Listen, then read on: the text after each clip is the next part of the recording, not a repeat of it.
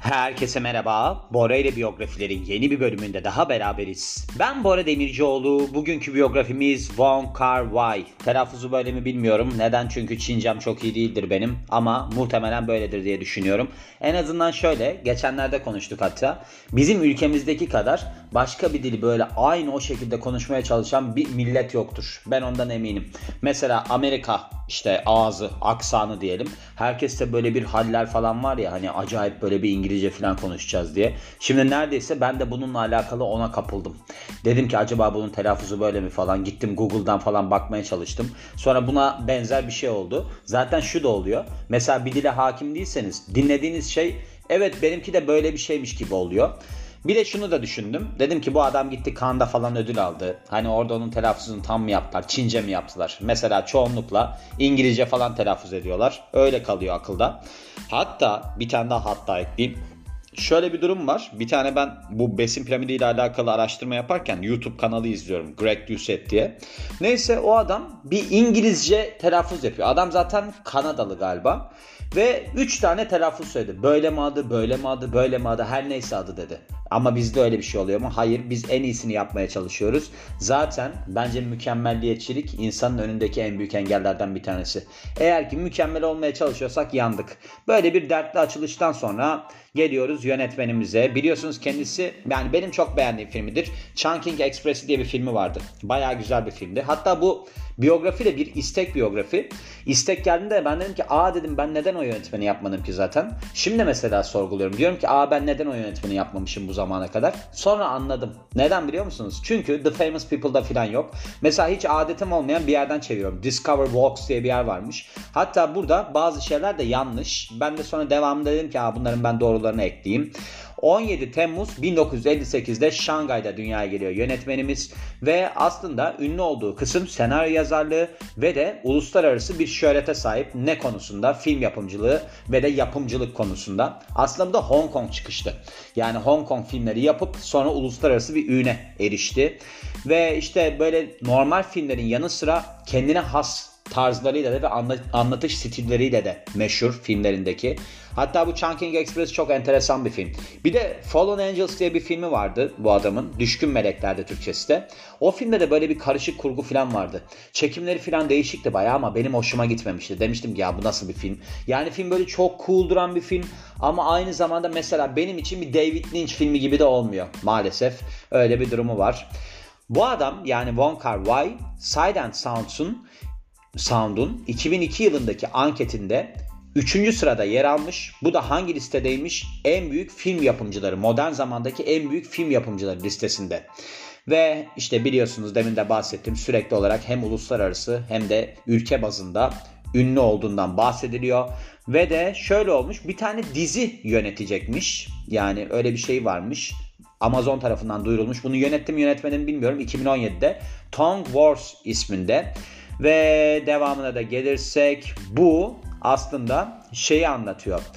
Böyle bir San Francisco'daki Çin mahallesinde geçen olayları falan anlatıyor. 20. yüzyılın başlarındaki ve aslında yönetmenin ilk İngilizce dilindeki televizyon dizisi olacak. Şöyle bir özelliği varmış. Buna niye bakmadım ki ben böyle bir şey var mı diye. Bakmak gerekirdi. Unuttum. Acaba ben bunu paralelde yazsam şimdi çıkar mı? Hani riske atmak da istemiyorum ama belki burada bir Tongue Wars yazarsak çıkar diye düşünüyorum. Bakalım var mıymış öyle bir şey. Tongue Wars diye bir şey çıktı. Bakalım. Evet nasıl sonlandı falan diyor ama yok. Bu şey. Ha, TV dizisi olarak da var evet. Bu gerçek bir olaymış bu arada. Ondan bahsediyor yani. Onun üzerine çekilmiş bir diziymiş. Evet bunu da arada söylemiş olduk. Şimdi burada 10 tane maddeden bahsedilmiş yönetmenle alakalı olarak. Hani bilmediğiniz sizi çok şaşırtacak gerçekler diye. Bunlardan bir tanesi çocukluğunda Hong Kong'a taşınıyor. Şimdi 3 tane kardeşi var ve yani 3 kardeşin en genci ve de babası bir denizciyken annesi ise ev hanımıymış.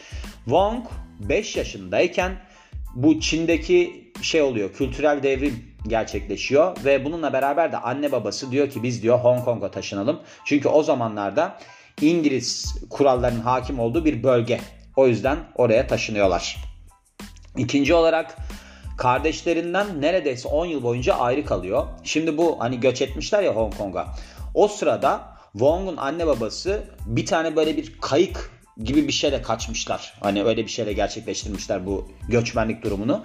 Ve kendisinden büyük o kardeşleri varmış ya Wong'un. Onlar aileye katılamıyorlar.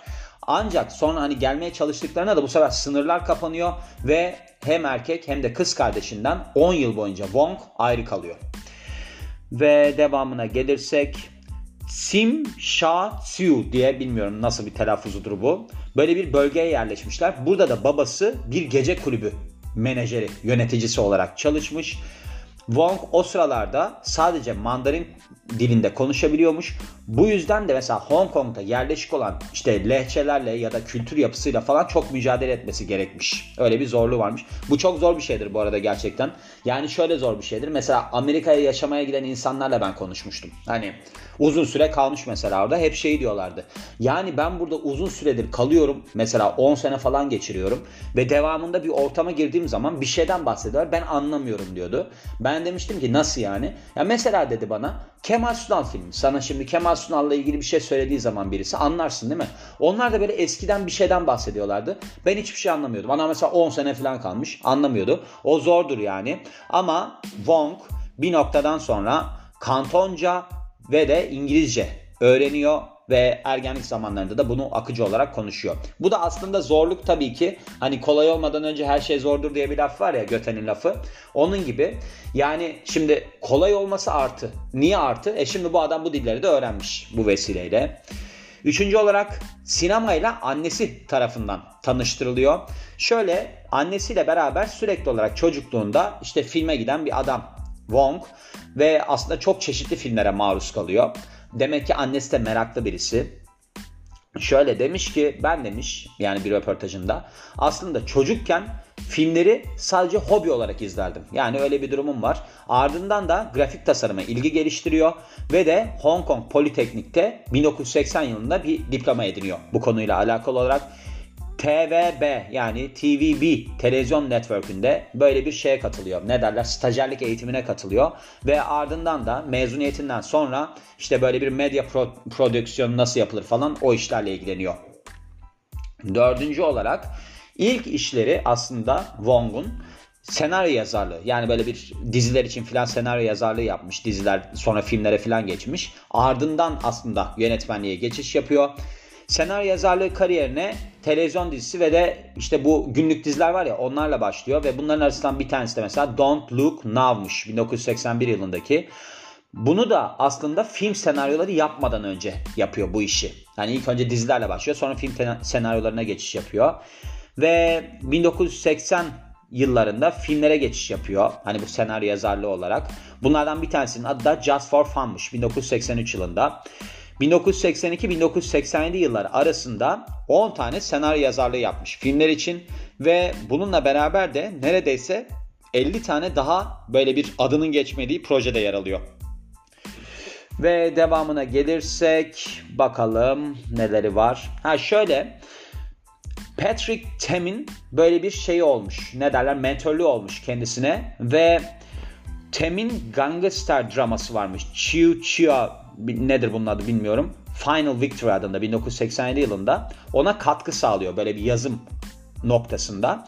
Ve de 7. Hong Kong Film Ödülleri'nde adaylık sağlıyor bu şekilde. Bu adaylıklarına falan çok şey yapamıyorum ama hani burada yazanlara çok inanamıyorum ama ben çoğunu kontrol ettim o Kaan'la ilgili olanları. Onlar doğruydu. Ve ardından da Wong böyle bir şeyden işte çağdaş suç trendinden ve de aksiyon filmlerinden daha böyle bir kişisel tarza geçiş yapıyor. Bunu da işte hani senaryo yazarlığından yönetmenliğe geçiş yapıyor o noktada gerçekleştiriyor. İlk projesinin adı Days of Being Wild 1990 yılındaki bu gişede başarı sağlayamıyor. Ancak bununla beraber 1991 Hong Kong Film Ödülleri'nde en iyi film ve en iyi yönetmen ödülünü kazanıyor. Yani davet almış mesela. Aslında bu enteresan bir durum. Şöyle enteresan bir durum oluyor. Genelde mesela gişede tutmayan filmler bir noktadan sonra eğer iyi ise takdir topluyor. Ama gişede gene de tutmayabiliyor o film. Ben mesela onu çoğunlukla anlayamıyorum. Diyorum ki ya bu film genelde şeyde ben onu yaşardım. Mesela film Oscar alırdı eskiden. Oscar aldıktan sonra bir daha gösterime girilirdi, girerdi.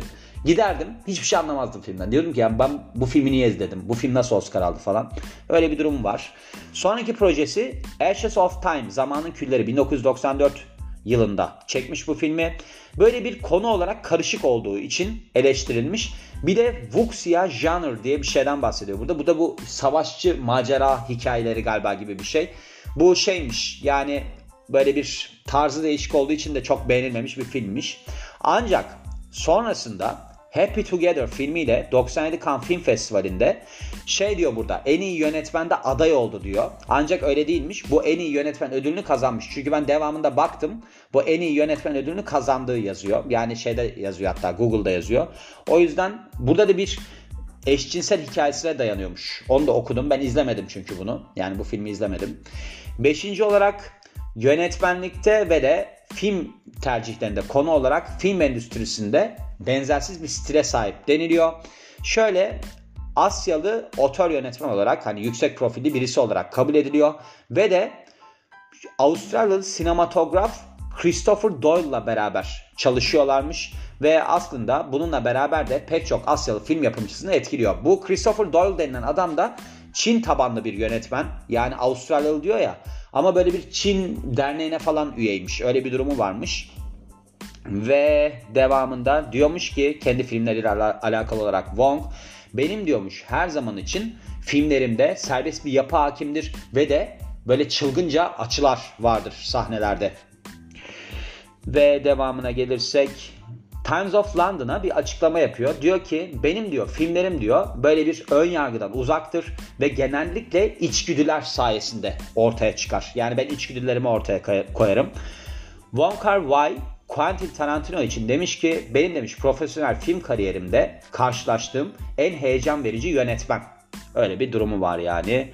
Çoğu kişi de işte bu adam için yani Wong Kar Wai için demiş ki bu adamın hiç Hollywood'a ihtiyacı yok. Öyle bir yönetmen ki Hollywood'a ihtiyacı yok. Onun için de hani bununla ilgili çaba duymasına da gerek yok. Zaten bir Hollywood filmi de yok galiba değil mi? O kendi kendine filmlerini yapıyor yani.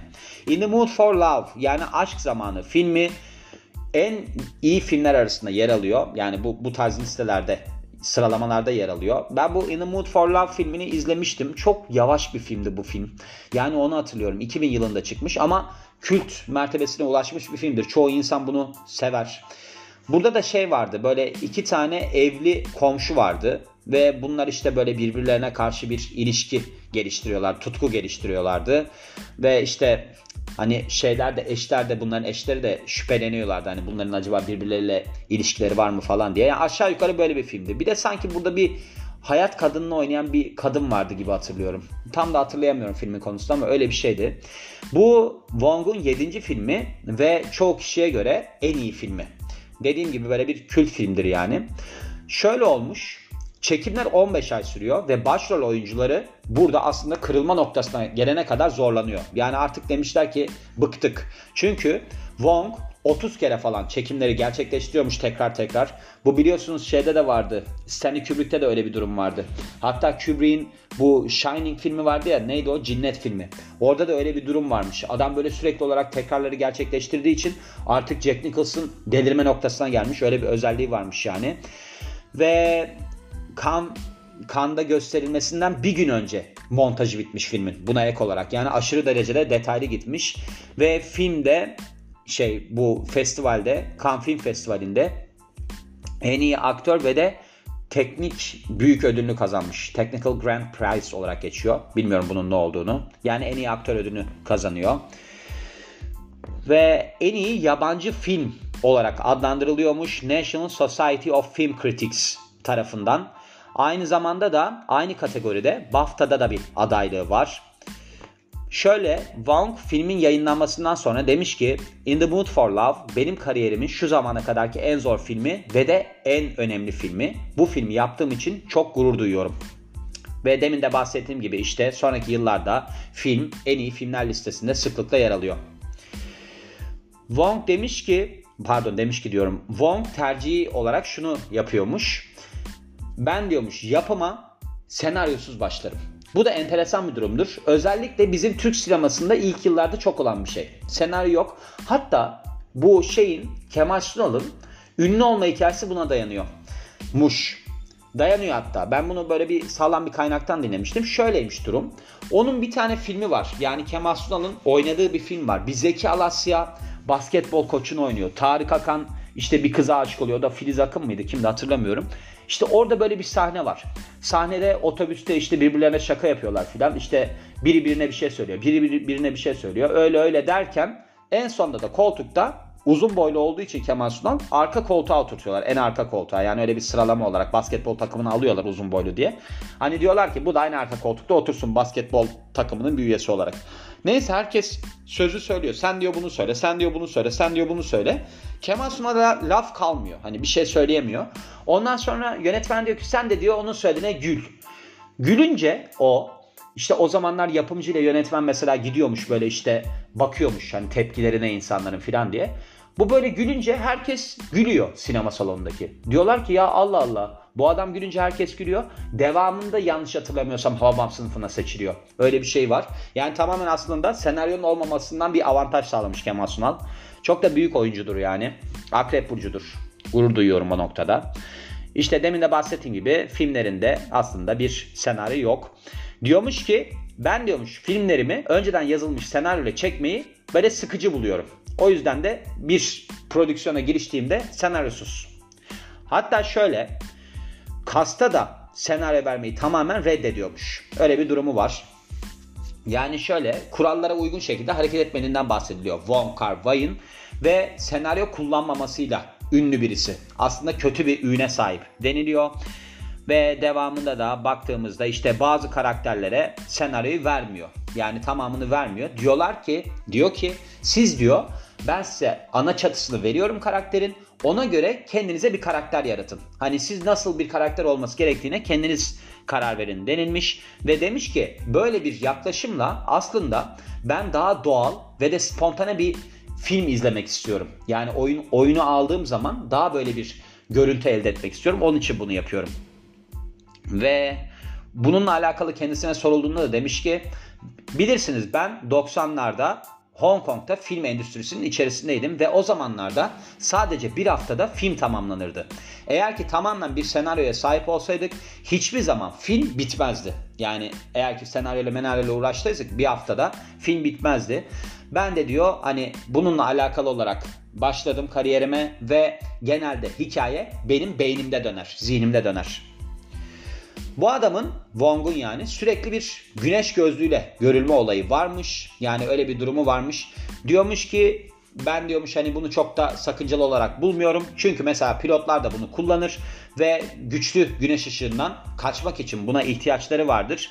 Ve ben de diyor bunu aslında filmle gerçek dünya arasında bir çizgi olarak görüyorum. Hatta demişler ki Charlie Chaplin'in bıyığı gibi. Hani gerçek hayatta filmler arasında bir çizgi çekiyor. Enteresan bir yaklaşım yani. Hani olabilir. Hatta şey demiş. Benim güneş gözlüklerim çalışma kıyafetim, iş kıyafetim. Ve devamında son olarak Wong'un filmlerinde sürekli olarak bir yeme içme mekanları yer alır. Evet gerçekten de bunu anladım ben de. Böyle o Chunking Express'inde falan da öyle sahneler çok var. Demiş ki ben demiş bunu aslında hepimizin anlayabileceği şekilde yansıtmak için kullanıyorum. Çünkü yemek hepimizin anlayabileceği bir şey. Mesela tıpkı bir kadınla bir erkeğin arasındaki çekime benziyor. Çünkü bunların ikisi de bizim vücudumuzun istediği doğanın yarattığı şeyler. Yani doğanın bir çağrısı vücudumuz için. Hani yemek yemekte, cinsellikte o açıdan da ben bunu kullanmayı uygun buluyorum demiş. Gördüğünüz gibi böyle bir aslında kaynaktan gitmeye karar verdim bu sefer. Yani bir sürü yerden baktım da şey var mesela ansiklopedi say Britannica'ya giriyorum mesela. Böyle dümdüz bir şey anlatıyor. Hani güzel değil yani ilgi çekici değil. Onunla beraber işte The Famous People'da falan da yok zaten. Oradan da bulamadım. Ve baktığımızda ödüllerine bakalım mesela. Hong Kong Film Ödülleri'nde en iyi yönetmen dalında 2014, 95 ve 91 yıllarında ödül kazanıyor. Bunlar da sırasıyla The Grandmaster, Chunking Express ve Days of Being Wild filmleri. Hong Kong film ödüllerinde en iyi film ödülünü 2014 yılında The Grandmaster'la yapıyor. Happy Together filminde Cannes'da en iyi yönetmen ödülünü kazanıyor. The Grandmaster'da 2014 yılında Hong Kong Film Ödülleri'nde en iyi senaryo ödülünü kazanıyor. Ve bununla beraber bakalım başka bir şey. British Independent Film Award en iyi yabancı bağımsız film dalında yabancı dildeki 2001 yılında In the Mood for Love'la ödül alıyor. Sezar ödülünü almış gene In the Mood for Love'la en iyi film ödül, en iyi film dalında.